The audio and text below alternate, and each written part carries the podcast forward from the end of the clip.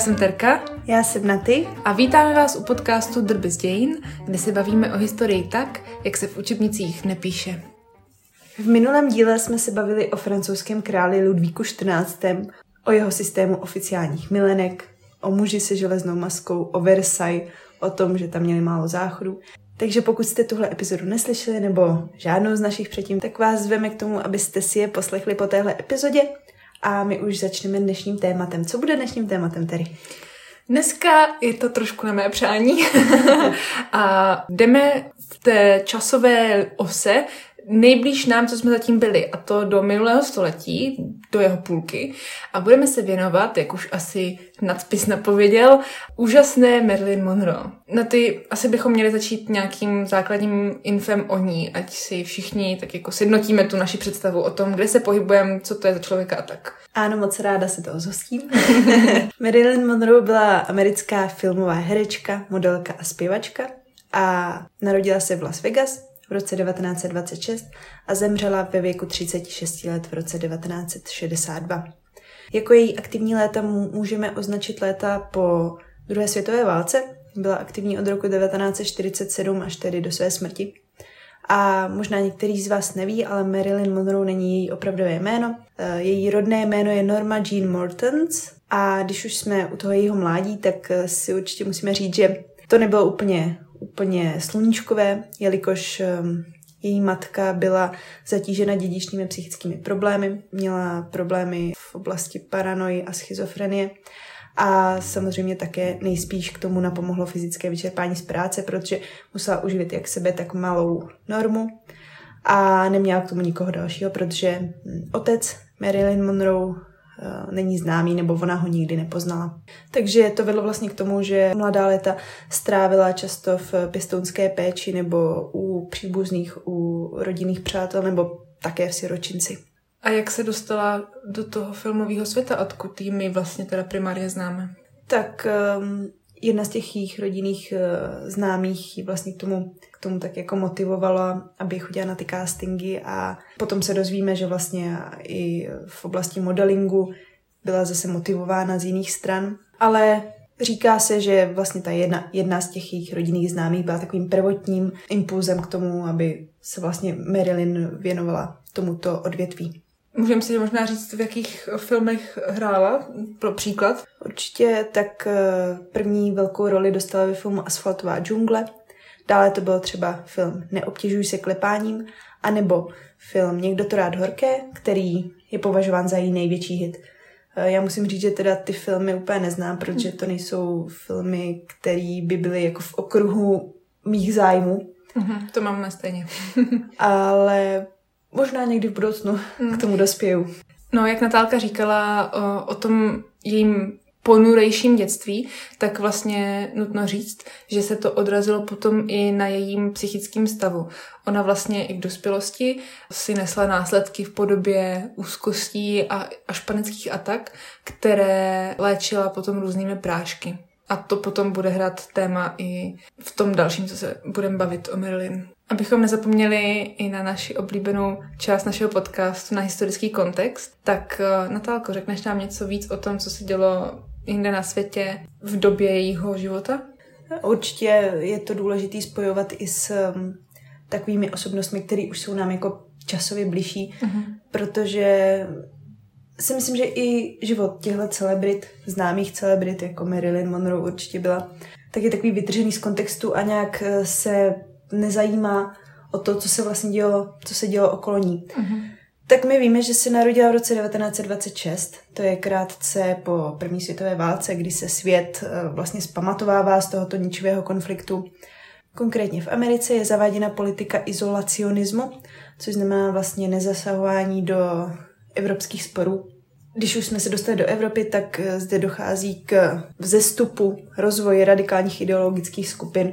Všichni určitě víme, nacisté, fašisté, kteří vlastně slíbili lidem, že napraví tu křivdu z té první světové války, že zlepší ty poměry a lidé jim tudíž věřili, tak docházelo k jejich vzestupu a víme všichni, jak to skončilo. A to vlastně všechno se vším a schyluje se ke druhé světové válce, která, jak víme, trvala do roku 1945. Už jsme si řekli, že Marilyn působila až po válce. A e, po válce, kdy teda i naše Marilyn začíná působit, tak dochází k poválečné obnově. Na východě nastupují komunisti, máme zde také počátek studené války, spuštění železné opony. Myslím si, že to jsou pojmy, pod kterými si každý z nás dokáže alespoň něco malinko představit. Mm-hmm. Marilynin život bychom mohli možná začít zase vyprávět v nějaký časové posloupnosti. Samozřejmě neřekneme všechno, jenom nějaké zajímavosti, jak to tady u nás už bývá zvykem. Na ty, co je první zajímavost, co jsi z knihy ty připravila? První zajímavost je ta, že vlastně její první snětek byl domluvený a v době jejího prvního snětku jí bylo pouze 16 let. Tohle téma se taky trošku pojí k tomu, jak za mlada žila. Před tím 16. rokem ona vlastně žila u jedné té rodinné známé, ale ta se chtěla přestěhovat někam jinam. Což znamenalo, že by potom Marilyn byla opět umístěna zpět do toho siročince. Ani jedna z nich eh, to vlastně takhle nechtěla, taky ta rodinná známá domluvila snětek eh, s o čtyři roky starším klukem odvedle, který se jmenoval James Dagetti a ona si ho vlastně vzala krátce po tom, co jí bylo 16, tak si, tak si ho vzala právě jen kvůli tomu důvodu, aby nemusela zpátky do siročince. Takže v té době bylo legální v Americe se brát už po 16. roku života? Nebo i dřív? Já jsem to zkoumala, ono se to časově vyvíjelo a je to jiný v každém tom státě. Uh-huh. Ale zhruba ta hranice byla 16 let, eh, případně 18 let. Uh-huh. Ale když to bylo možné udělat, tak eh, předpokládám, že zrovna tady v tom případě byla ta věková hranice 16 let. Jen si říkám, jak to vlastně jako fungovalo, že ona si ho vzala a on se potom stal jako takovým mým poručníkem, uh-huh. protože ona by vlastně musela do 18 let zpátky do toho siročince. Aha. A teď, když do ní ne, nemusela, takže on jako za ní byl takový jako... Zodpovědný? No, asi. Jo. Jako nikdy jsem k tomu na nic moc nepřišla, ale uh-huh. tohle mě jako taky zajímalo, jestli to teda tak fungovalo. Očividně jo, protože tam nemusela zpátky, tak... Jo. To je zajímavé, že mu to dalo takovou... Jsme pořád jako 30. 40. léta, takže nedá se úplně mluvit o nějaký jako mega emancipovanosti žen, nebo jako do určitý míry ve srovnání s předchozími etapami určitě, ale ve srovnání s dnešní dobou určitě tam byly velký rozdíly, takže si jen dokážu představit, že to mohlo podporovat jako už tak existující tendence mužů prostě ovládat ty ženy. Mm-hmm. Ale možná to pro ně byla mnohem lepší varianta než ten siročinec, předpokládám, když si to zvolila. Je to tak, oni se vlastně brali, když už eh, zuřila v Evropě válka mm-hmm. a on potom ten James tak nárukoval eh, k námořnictvu a ona vlastně pracovala v jedné firmě, o které se ještě budeme bavit ale hned eh, krátce po válce, mám pocit, že to bylo rok, tak se hned rozvedli. A to už vlastně bylo Marilyn víc, víc než 18, takže ona už tenhle vztah jakoby nepotřebovala. Byl to tedy jenom ten politický vztah, snětek, eh, o kterých se bavíme u těch králů z těch mm-hmm. předchozích století. Mm-hmm. To mi vlastně připomíná Není to teda úplně související, ale film uh, Kolia, kde vlastně ten tatínek, ten budoucí nepravý tatínek toho Kolí, si vzal tu ruskou maminku, aby ona vlastně se dostala z Ruska sem jako imigrantka. Takže prostě tyhle ty domluvené sňatky očividně byly fakt tématem. Třeba v jiném kontextu nešlo o krále, ale šlo o jiný důvody i v minulém století a věřím, že i v dnešní době. Když už na to narazila, tak určitě věřím tomu, že ne u nás v Evropě asi na to nejsme tak zvyklí, ale třeba když jsou lidé v Americe nebo v Kanadě a mají tam nějaké to migrační povolení, aby tam mohli pobývat, uh-huh. to je jim potom zrušeno, takže se berou jen na základě toho, aby jim bylo to migrační migrační vízu, nebo nevím, jak se tomu říká, aby jim mhm. to bylo povolené. Takže no. určitě si, nebo určitě věřím tomu, že je to stále jako hodně aktuální téma. Mm-hmm. Je fakt, že vlastně tady od nás to ale moc neznám, mm. takže možná proto se nad tím vůbec pozastavuju. Mm-hmm. Už jsme trošku nakousli to, co dělala Marilyn za války. Tohle mě hodně překvapilo. Já jsem si ji vždycky představila jako tu ženušku v těch podpacích a v těch šatečcích. Taková jako křehká dáma. Ale za druhé světové války ona vlastně měla zajímavou práci. Ona pracovala v americké továrně, kde se kompletovaly první bezpilotní letouny na světě. Wow. Ona zde vlastně měla práci zaměřenou hlavně na to, že montovala vrtule, a další komponenty k těmto letounům, nebo natírala je um, ohnivzdorným nátěrem, nebo prověřovala funkčnost padáků a tak podobně. Takže hodně jako mechanicky, mm-hmm. mechanicky zaměřená práce. To je fakt zajímavý. To by mě zajímalo, jako jak se k tomu... Ale jako jasně, bylo to za války, takže asi jako hodně lidí měnilo obory na něco podobného tomu, ale wow, teda. To je mega kontrast. Mm. A proti tomu, jak si ji představujeme. Mm-hmm, No a sem právě můžeme zařadit taký počátek její modelingové kariéry, kdy vlastně to byla fotografována armádním fotografem. Ona byla v, v té kombinéze u toho stroje a ten armádní fotografii vy, vyfotografovala a vlastně poté jí nabídl další práci, uh, další práci modelky a pak už se to tak jako postupně rozjíždělo castingy a další fotografie a úspěchy a získávání kontaktu s tím, že došlo vlastně k tomu, jak ji známe dnes. Mm-hmm. Takže počátek její modelingové kariéry můžeme vidět právě tady v mechanické dílně na bezpilotní letouny. To je zajímavý. Já vlastně k té modelingové kariéře mě ještě napadá, četla jsem o tom, že je to, její začátek je vlastně spojen s koncem toho manželství. Nejsem si jistá zdrojem, určitě to nebylo nic ověřeného. Uh, někde prostě na netu jsem četla, že ten její první manžel snad měl být jako dost nervózní z toho, že by mohla být úspěšná, nebo snad i úspěšnější než on.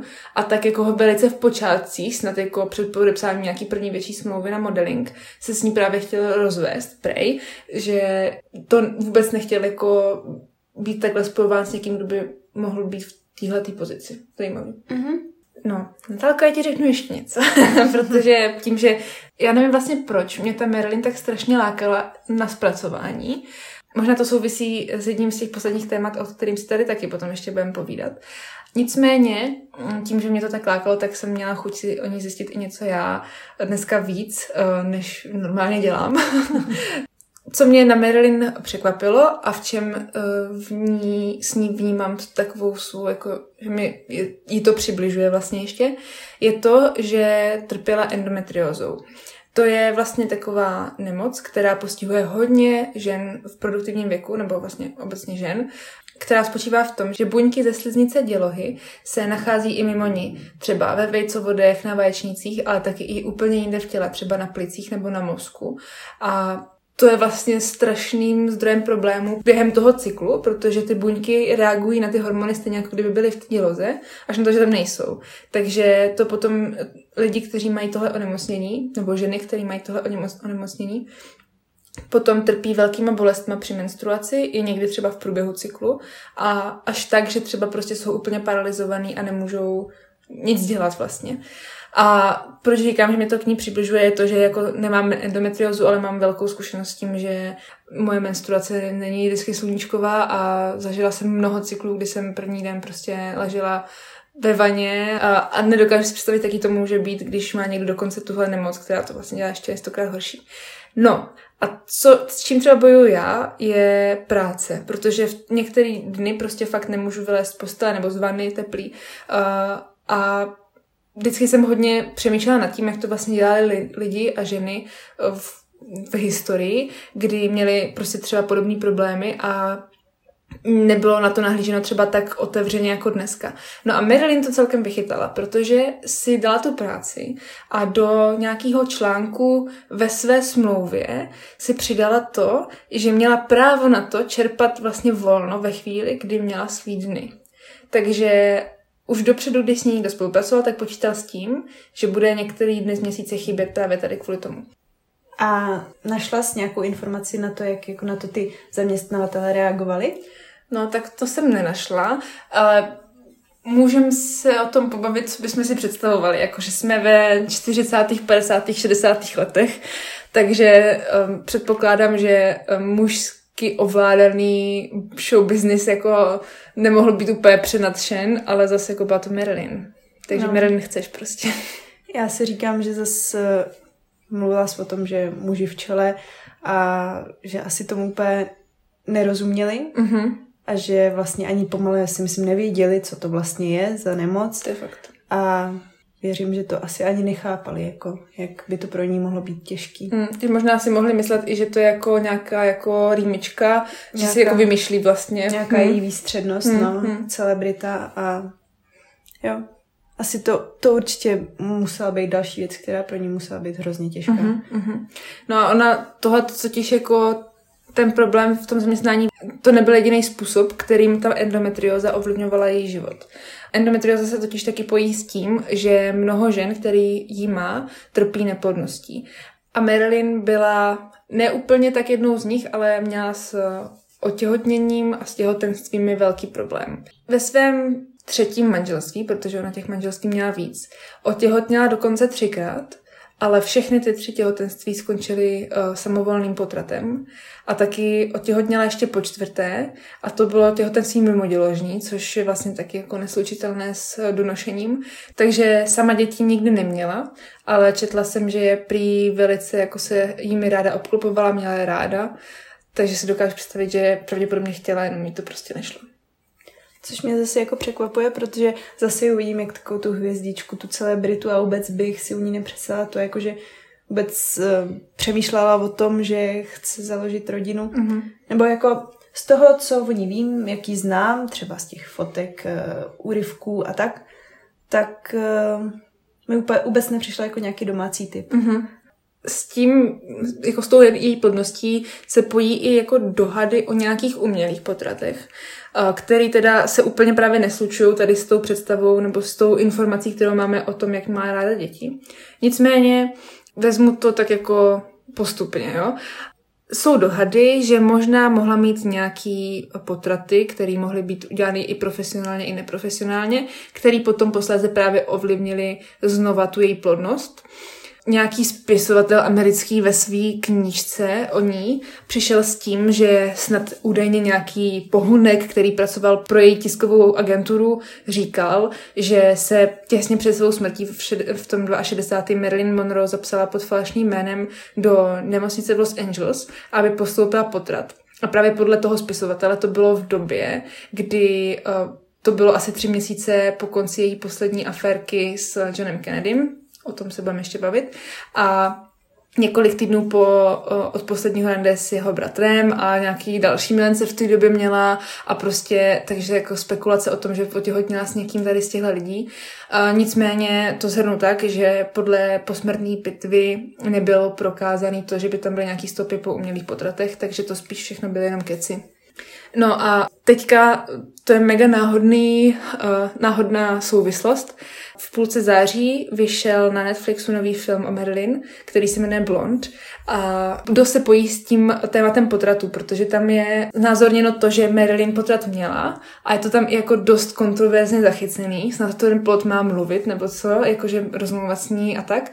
A já jsem se teda do toho moc nepouštěla, neviděla jsem to. Na ty jsi to viděla? Neviděla.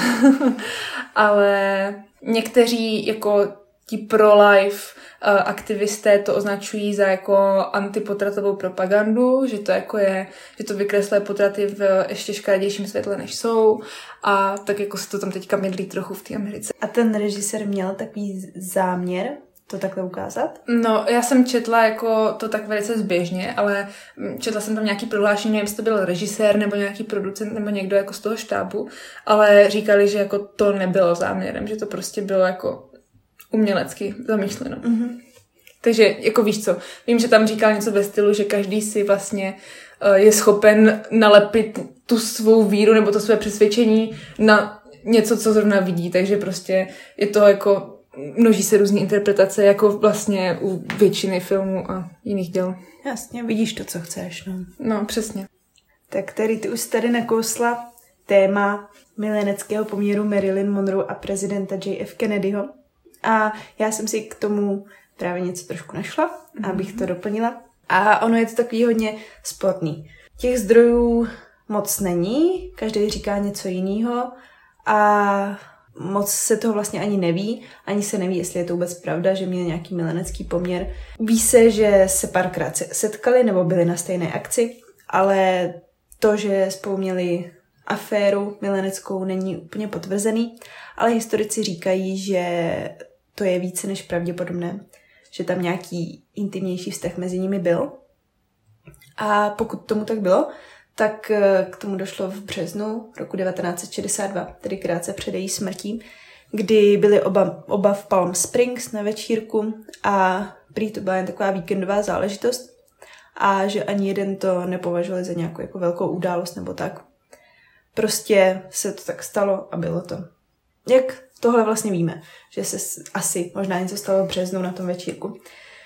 No, víme to podle svědectví od maséra Marilyn Monroe, kterému vlastně ona volala v tom víkendu a žádala od něj nějaké rady a on potom řekl, ten masér, že v pozadí slyšel Kennedyho hlas a že dokonce s Kennedym sám mluvil. Mm-hmm. Takže to je jedna taková věc, která nás nabádá k tomu, že to tak opravdu mohlo být. A druhá informace je od kamarádky, blízké kamarádky Marilyn Monroe.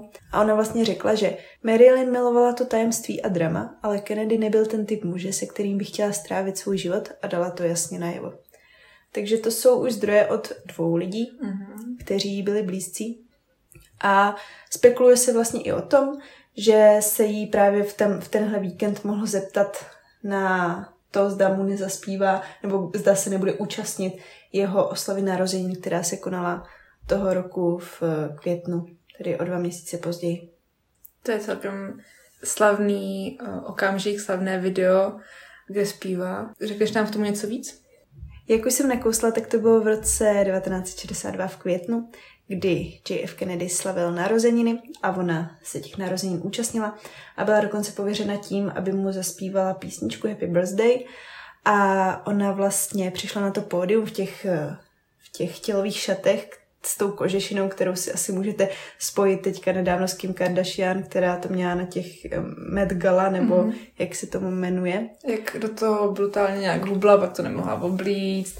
Měla tu kožešinu, aby zakryla ten nedopnutý zip a bylo to toho strašný halo, jak to si to mohla dovolit vůbec vynést a tak dále. No. no, ale jako četla jsem, že potom ty šaty byly docela po ní zničený, hmm. takže... To se nedivím, no. Jako, když se podíváš na postavu Kim Kardashian a Marilyn Monroe, tak je trošku něco jiného, no. A vůbec jako, řekla bych jako až ta drzost. Mm. No, ale to jsme se zase zapovídali.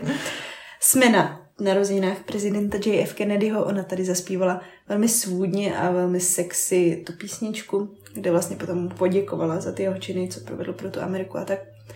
A na základě právě tohoto jejího vystoupení, kdy ona tam s ním tak jako veřejně flirtovala z toho pódia, se vlastně začali historici, nebo vlastně všichni, zajímat o to, jak teda ten vztah jejich vypadal, nebo co spolu teda mají společného. A vznikly toho, z toho ty teorie, které už jsme si tady řekli. Mimochodem ještě eh, důležité zmínit, že tenhle záznam z toho, z těch narozenin určitě můžete najít na YouTubeku kde ona je zachycená ze všech stran, snad nepřijde, takže můžete sami posoudit, jestli to bylo svůdnické a flirtující a jestli eh, tím chtěla Kennedy mu něco zkázat. Já jenom dodám, že eh, budu myslet na to, abychom odkaz nebo nějaký úryvek toho videa dali i na naše Instagramové stories, abyste to měli trošku zlehčený to hledání. Mm-hmm. no ale Marilyn jako měla nějaký milence a měla jich víc asi, že? Tak kromě těch manželů, který známe, uh-huh. um, tak... Um, Kteří byli tři. Uh-huh, byli tři. Tak uh, víme i o tom, že pravděpodobně měla milenecký vztah i s Robertem Kennedym, uh-huh. což byl bratr prezidenta. A dočetla jsem se, že toho prý měla velice ráda, snad dokonce, jestli ho nemilovala, to takové spekulace. A Robert Kennedy vlastně nám bude figurovat ještě v poslední části, kde se budeme bavit o smrti Marilyn Monroe, tak ehm, na toho nezapomeneme. Dalším jejím milencem byl pravděpodobně Charlie Chaplin junior, což je syn legendárního Charlieho Chaplina. Dále třeba také Frank Sinatra. Mm. Nebo uh, se spekuluje o tom, jestli neměla i vztah s ženou. Ta žena se jmenovala Natasha Lites a to byla její divadelní trenérka, se kterou postupem času vlastně se staly nerozlučnými kamarádkami, jak na tom pódiu divadelním, tak i mimo něj. A v té době právě panovaly zvěsti o tom, jestli třeba Marilyn Monroe není orientována na opačné pohlaví. A ona vlastně sama řekla, že o své orientaci často přemýšlela, že často nevěděla a že je možné, že by mohla být i na ženy, ale řekla, že když se zamilovala, tak to bylo jenom vždycky do muže. Mm-hmm. Tak jak víme, tak to není černobílý a může to mít různé varianty, různě procentní, záleží možná prostě člověka člověka, těžko říct. Určitě. A taky jako buďme upřímní, ona neměla za tolik času na to, aby to asi nějak úplně proskoumávala, protože zemřela, zemřela fakt mladinka, že? Takže, mm. A navíc ani ta doba tomu asi nepři, nepřispívala nějakým experimentům v tomhle odvětví, rozhodně ne veřejným. Tak když už jsme nakousli toho Roberta Kennedyho a trochu tu její smrt, tak je určitě důležité zmínit, že ona vlastně trpěla psychickými problémy, trpěla jimi celý život, už pod toho malá, jak nám Tereska říkala. Ona na tohle samozřejmě nějaké látky. Víme, že také měla prášky na spaní a právě prášky na spaní se jí staly osudným, protože byla jako oficiální příčina smrti uh, uvedena předávkování barbituráty, což jsou vlastně léky nebo látky, které jsou v lécích, které mají tlumící účinek na nervovou soustavu a používaly se právě do prášků na spaní. Důležitý je také fakt, že pitevní zpráva uvedla, že byly v hodně velkém množství, takže vyloučili možnost, že to byla náhoda, protože to bylo hodně jako vysoko nad tím smrtelným limitem. Uh-huh. Takže to je, to vlastně vede ke spekulacím, jestli to bylo jejím záměrem, anebo záměrem někoho jiného, že? Uh-huh. No a na tohle téma existuje několik konspiračních teorií. Eh, v médiích se také dříve uvádělo, že zemřela na následek toho, že kombinovala alkohol s prášky, ale to nebyla pravda, protože eh, v jejím těle nebyly, nebyl žádný alkohol nalezen. Ale teď už k těm zajímavějším konspiračním teoriím, který třeba říkají, že to byla vražda, kterou zařídila CIA a to z toho důvodu, že ona vlastně měla blízko k těm bratrům Kennedyovým údajně a že mohla vědět uh, věci, které by osoba v její pozici vidět neměla, takže byla zkrátka odklizena, aby nebyla hrozbou národní. To mi přijde jako mega vystřelený až někam do fantazijních výšin. Nedokážu si představit, že by chtěli zabít takhle viditelnou a milovanou, zbožňovanou osobu. Jako to přece je první věc, co napadne, když si někdo předávkuje práškama, jestli to byl on nebo někdo jiný. Víš, jako je to hrozně takový jako očividný, ale zároveň pod lampou je největší tma, že? Takže těžko říct. A přitom mi zrovna tahle teorie nepřijde jako ta nejvíc nepravděpodobná, když ti řeknu další a to, že to byla vražda, kterou zařídil přímo sám JF Kennedy, uh-huh. protože nechtěl, aby vyzradila informace o nějakého osobě uh-huh. a že údajně mu hrozila, že mu způsobí skandál, tak proto ji vlastně nechal zavraždit on sám, uh-huh. což mi k němu taky úplně nesedí. Uh-huh z toho, co vím, jako z historie mi přijde jako fajn chlápek, takže nevím, taky mi to přijde jako extrémně vyhnaný. No a další možnost je ta, že do její vraždy byla zapojena mafie, což ale se dá vlastně narafičit úplně na každý úmrtí, že jo, mafie, nějak do toho zapojená. Takže to není nic originálního. Další možnost je ta, že to byla sebevražda, a to v důsledku právě rozchodu s Robertem Kennedym, kterého, jak už jsme si řekli, možná milovala. Takže byla z toho v depresi a to vedlo právě k tomu, že si sáhla na život. To mi napadá, uh, to si teda zase jenom mluvím z paměti, jo. Myslím, že jsem četla, že večer předtím, než ji našli mrtvou, u ní právě byl ten Robert Kennedy na návštěvě. A takže buď to to mohlo být třeba tak, že se teda, se teda s ní zrovna rozešel a ona pak to neunesla a tak se zabila, protože měla to chatrný psychický zdraví, takže těžko říct. No ale nebo taky někdo říkal, že to mohl právě jako narafičit přímo on. Ale to mi teda přijde mega nepravděpodobný, protože pokud spolu měli románek, tak jako a to by muselo být hodně dobrý potom nějakým maskování no, všech přesně. stop a nedokážu si představit, kdyby jako člověk jeho postavení na to vzal jak vědomosti, tak um, jako chuť se exponovat takhle, no. viď? Jo, no. Hmm. Jako, že by to někomu za, zaukoloval spíš.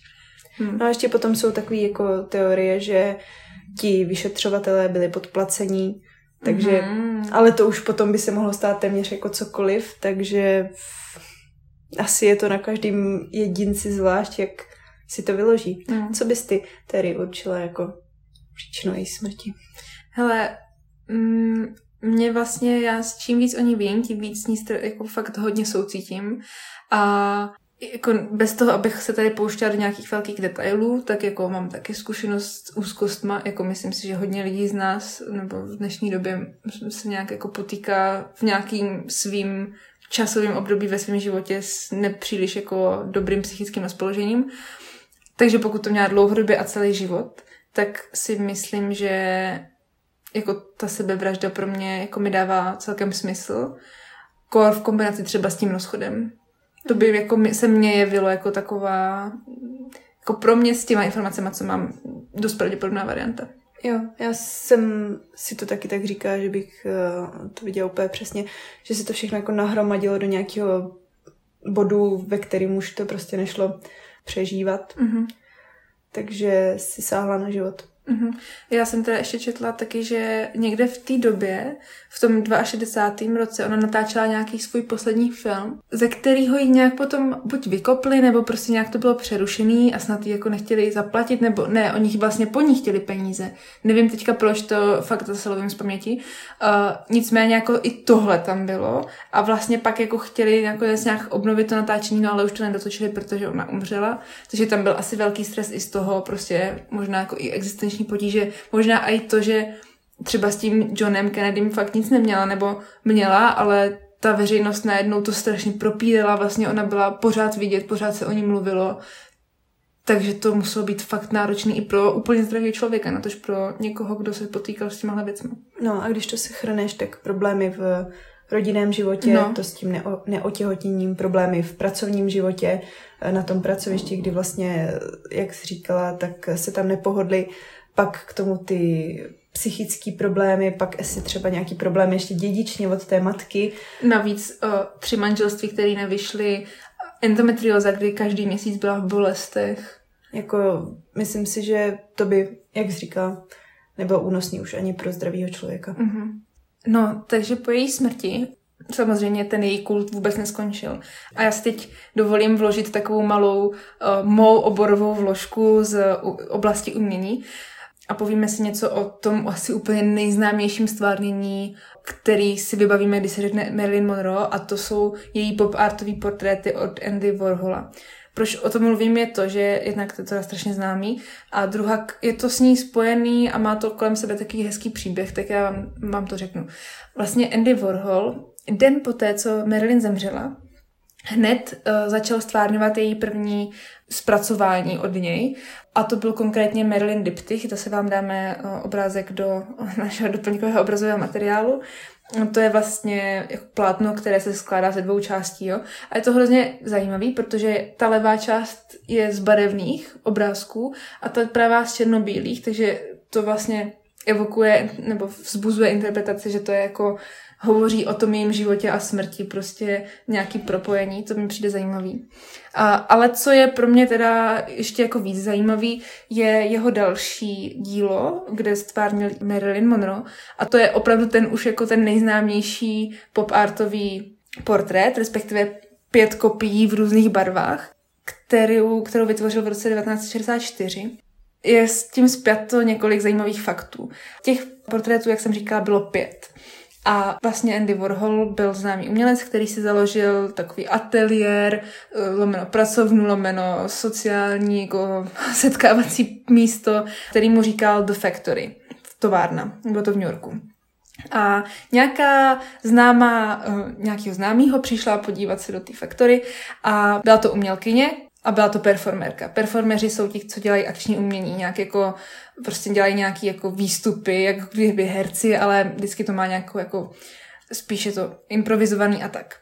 A ona se zeptala Warhola, když viděla ty nové portréty, jestli je může, a teď je tady ta hříčka, jo, jestli je může shoot. A on si myslel jako shoot vyfotit, jestli je může vyfotit. No ale shoot znamená jak vyfotit, tak střelit. A ona vytáhla revolver a prostřelila čtyři z těch pěti přítomných, nebo takhle, čtyři byli přítomní z těch pěti portrétů a byli jako daný do uh, štosu za sebou, takže ona je prostřelila všechny naraz. Takže proto se říká, jako, že prostřelený portréty Marilyn Monroe. A potom teda ji vyvedli a Warhol říkal, že tomu jejich společnému známému, že to by teda už jako dělat neměla a do, do životní zakázal přístup do té faktory. potom ten jeden, co jsem říkala, že prostřelený nebyl, to je ten s tím modrým pozadím, tak ten byl letos v květnu vydražen za 195 milionů dolarů, což je 4,5 miliardy korun. Jeden obraz. A to je prosím nejvyšší částka, za kterou se prodal jakýkoliv poválečný obraz poválečného autora. Říká se mu taky neprostřelná modrá Marilyn. A to byly normálně obrazy jako ve jak byly velký ty obrazy? Hele, jsou takový čtvercový. Nevím přesně, jako přesný rozměr uh, na centimetry, ale já nevím, třeba tak jako 50 na 50, 70 na 70. Jako není to nic velkého, ale není to nic malého. A to nebyly jako třeba zasklený?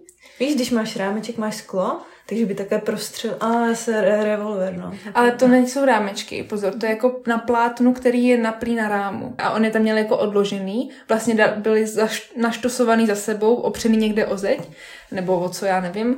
A to bylo vlastně, to jsem neřekla, že to mělo být jako ten performance, to bylo to jako to její umění, že udělala ten skandální čin, že zničila nebo znehodnotila vlastně něčí umělecký dílo. Já jsem si to prvně představila jako eh, pět obrazů zasklených jako jo, za sebou jo. a teď jako když vím, že to bylo prostě pět pláten mhm. zavěšených. Mm-hmm. No jenom čtyři právě. To pátý, to neprostřelený. To bylo vlastně pryč. Jo, jo, mm-hmm. jo, to se zachránilo. A co se stalo s těma prostřelenýma? Jsou někde v nějakých sbírkách, normálně jako fungují dál. prostě jenom, vlastně možná jsou i o to zajímavější vlastně, mm. že to jenom přidalo další hodnotu tomu, nebo jinou hodnotu tomu dílu. Jo, to určitě. Ale ta neprostřelená samozřejmě se stala jako ještě jedinečnější, protože je jediná neprostřelená. no a teď už jsme to zahájili trošku jako v, ve veselějším duchu, tak aby jsme neskončili moc ponuře, tak jsme si našli ještě několik takových zajímavých uh, faktů, které už nebudou takový temný. A jeden z nich se váže ještě právě k těm šatům, o, kterým jsme, o kterých jsme mluvili, o těch béžových. A tyhle šaty byly vlastně v roce 1999 vydraženy a byly v, vydraženy v přepočtu na tehdejší jako hodnotu mm-hmm. za 43,5 milionu korun. A v té době to byly šaty vydraženy za nejvyšší hodnotu. Mm-hmm. Um, předtím drželi rekord uh, šaty princezny Diany. Další zajímavost je ta, že podle magazínu Forbes se Marilyn Monroe umístila v anketě o nejvíce vydělávající zesnulé celebrity v roku 2014 na šestém místě. Což jsem vůbec nevěděla, že existují ankety o nejvíce vydělávající zesnulé celebrity. Ale koukala jsem na jednu anketu, našla jsem jednu, nevím z jakého byla roku, ale příznačně jak jsem si typla, na prvním místě byl Michael Jackson. Aha, no jo, to je pravda. to mě asi po chvilce přemýšlení taky napadlo. Takže on nás jako, jakože v uvozovkách vydělává těma filmama, možná nějakýma jako fotkama. fotkama. Hm. Asi byla taky zpěvačka, takže možná i, mm, mm. i hudbou. Mm. A určitě nějaký předměty asi jako její furt kolujou po nějakých mm-hmm. akcích a takže. Jo, nějaký upomínkový. Mm-hmm. No a poslední, taková úplně nejvíc odlehčená zajímavost, je to, že vlastně se eh, v roce 1952 některý z novinářů vyjádřil, že by vypadala skvěle i v pytli od brambor. No a samozřejmě se to nenechalo jen tak a zrodil se z toho plán, že vlastně bude Marilyn do toho pytle oblečena a že bude ten pytel upraven pouze jejím svůdným křivkám a že z toho bude pořízeno s ní několik snímků Tyhle fotografie se staly samozřejmě úspěšnými, protože Marilyn a ještě Marilyn v pytli od brambor. A jedna z bramborářských společností z Idaha poslala Marilyn pár pytlů prvotřídních brambor jako na uctění toho, že zpropagovala tuhle americkou potravinu. Takže to byla taková lehká zajímavost nakonec. A já si myslím, že už jsme dneska zmínili vše, co jsme zmínit chtěli. V závěr bychom vás jenom chtěli zase pozvat na náš Instagram The Bizgain, ale to už znáte, pokud nás posloucháte. ano, takže nezbývá říct, než jen, že se uslyšíme příští týden. Tak ahoj. Ahoj.